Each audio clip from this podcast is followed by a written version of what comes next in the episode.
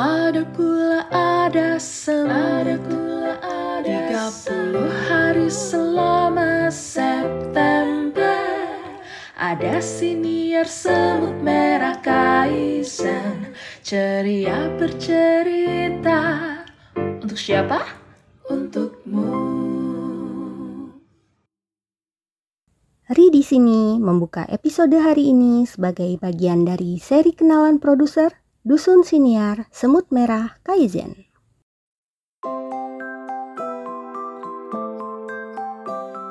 Di bulan September ini, Ri ingin mengajak para pendengar sekalian untuk mengenal lebih jauh individu hebat di balik layar produksi siniar komunitas Semut Merah Kaizen.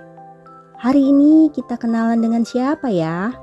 Dengarkan ceritanya intip tak karir, dan yuk ikutan Ri dengarkan karya mereka di siniar Semut Merah Kaizen ini. Siapa tahu memberikan banyak inspirasi dan motivasi untuk bersiniar, atau setidaknya untuk menjalani harimu hari ini.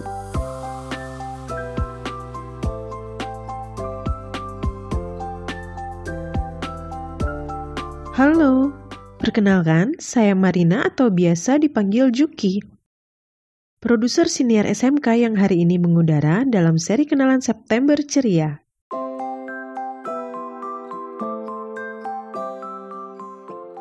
Saat ini saya berdomisili di Sleman, Yogyakarta, dengan aktivitas sehari-hari sebagai macan ternak atau memacantikan teranak, dan sampingan palu gada. Apa yang lo mau, gua ada. Tiga tahun lalu, saya mengikuti kelas menulis Kaizen dari Di Lestari. Tujuannya sih untuk cari inspirasi menulis proposal riset dalam rangka melanjutkan studi. Eh, malah nyemplung basah-basahan di komunitas alumni. Menulis pun belum jadi-jadi. Anyway, di komunitas alumni, terutama di dusun siniar, saya malah belajar banyak juga loh. Selain mengasah kembali skill project management dengan menjadi produser, skill baru yang saya kembangkan yaitu editing. Tentu saja makin sering edit jadi makin sensitif ya untuk memproduksi hasil editing yang layak dan nyaman untuk didengar. Serunya lagi di Dusun Siniar, semut-semutnya gampang diprovokasi buat bikin proyek menantang.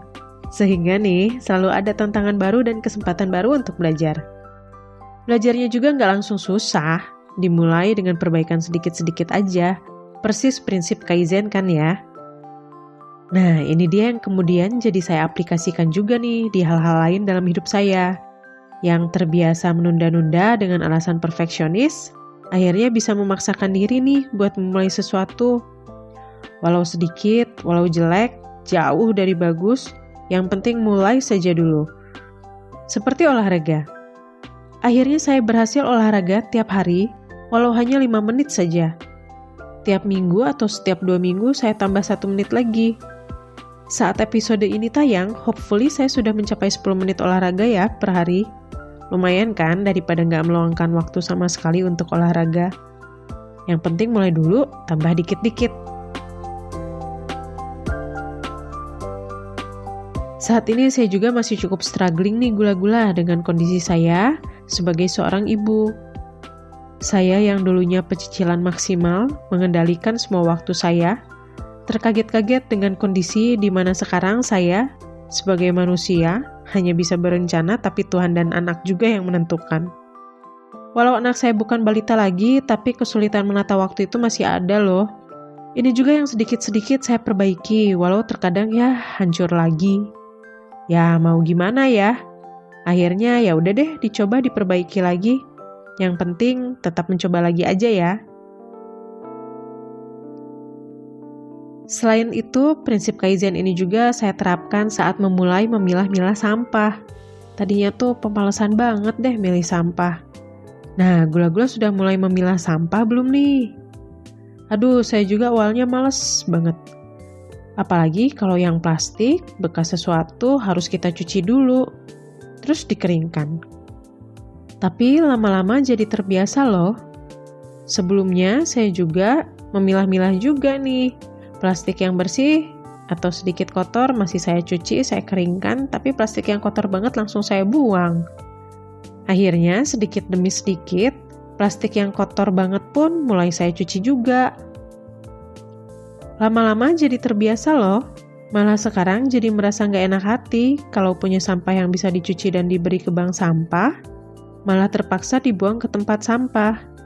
Karena misalnya terlalu merepotkan untuk dibawa-bawa sampai ke rumah dan dicuci di rumah. Ya, tentu saja hidup nggak sempurna ya, gula-gula.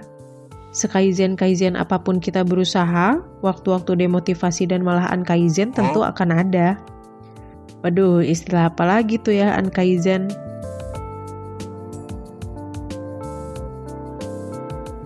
Kalau saya sih, ya sudahlah. Biarkan saja malas dulu dan demotivasi selama nggak lama-lama banget tentunya. Kalau udah bablas sampai berhari-hari malas, Saatnya mencari pertolongan gula-gula. Untuk saya sih ngobrol panjang lebar dengan teman dekat selalu jadi P3K yang efektif. Setelahnya, mulai sedikit-sedikit menata daftar hal-hal yang harus saya kerjakan atau to-do list, dan biasanya saat kerutan yang ada di otak mulai terurai, semangat pun muncul lagi. Untuk saat ini sih ada dua hal nih yang pengen saya lakukan tapi belum maju-maju lagi untuk mengerjakannya. Yang pertama adalah menulis buku, dan yang kedua melanjutkan studi ke jenjang yang lebih tinggi. Doakan saya ya gula-gula, semoga bisa memulai lagi kedua hal tersebut dalam waktu dekat dan sedikit demi sedikit menyelesaikannya. Nah, kalau gula-gula sendiri lagi pengen ngapain nih? Yuk mulai bareng-bareng yuk. Sedikit aja dulu kita mulai, lalu dikit-dikit kita selesaikan juga ya. Semangat gula-gula!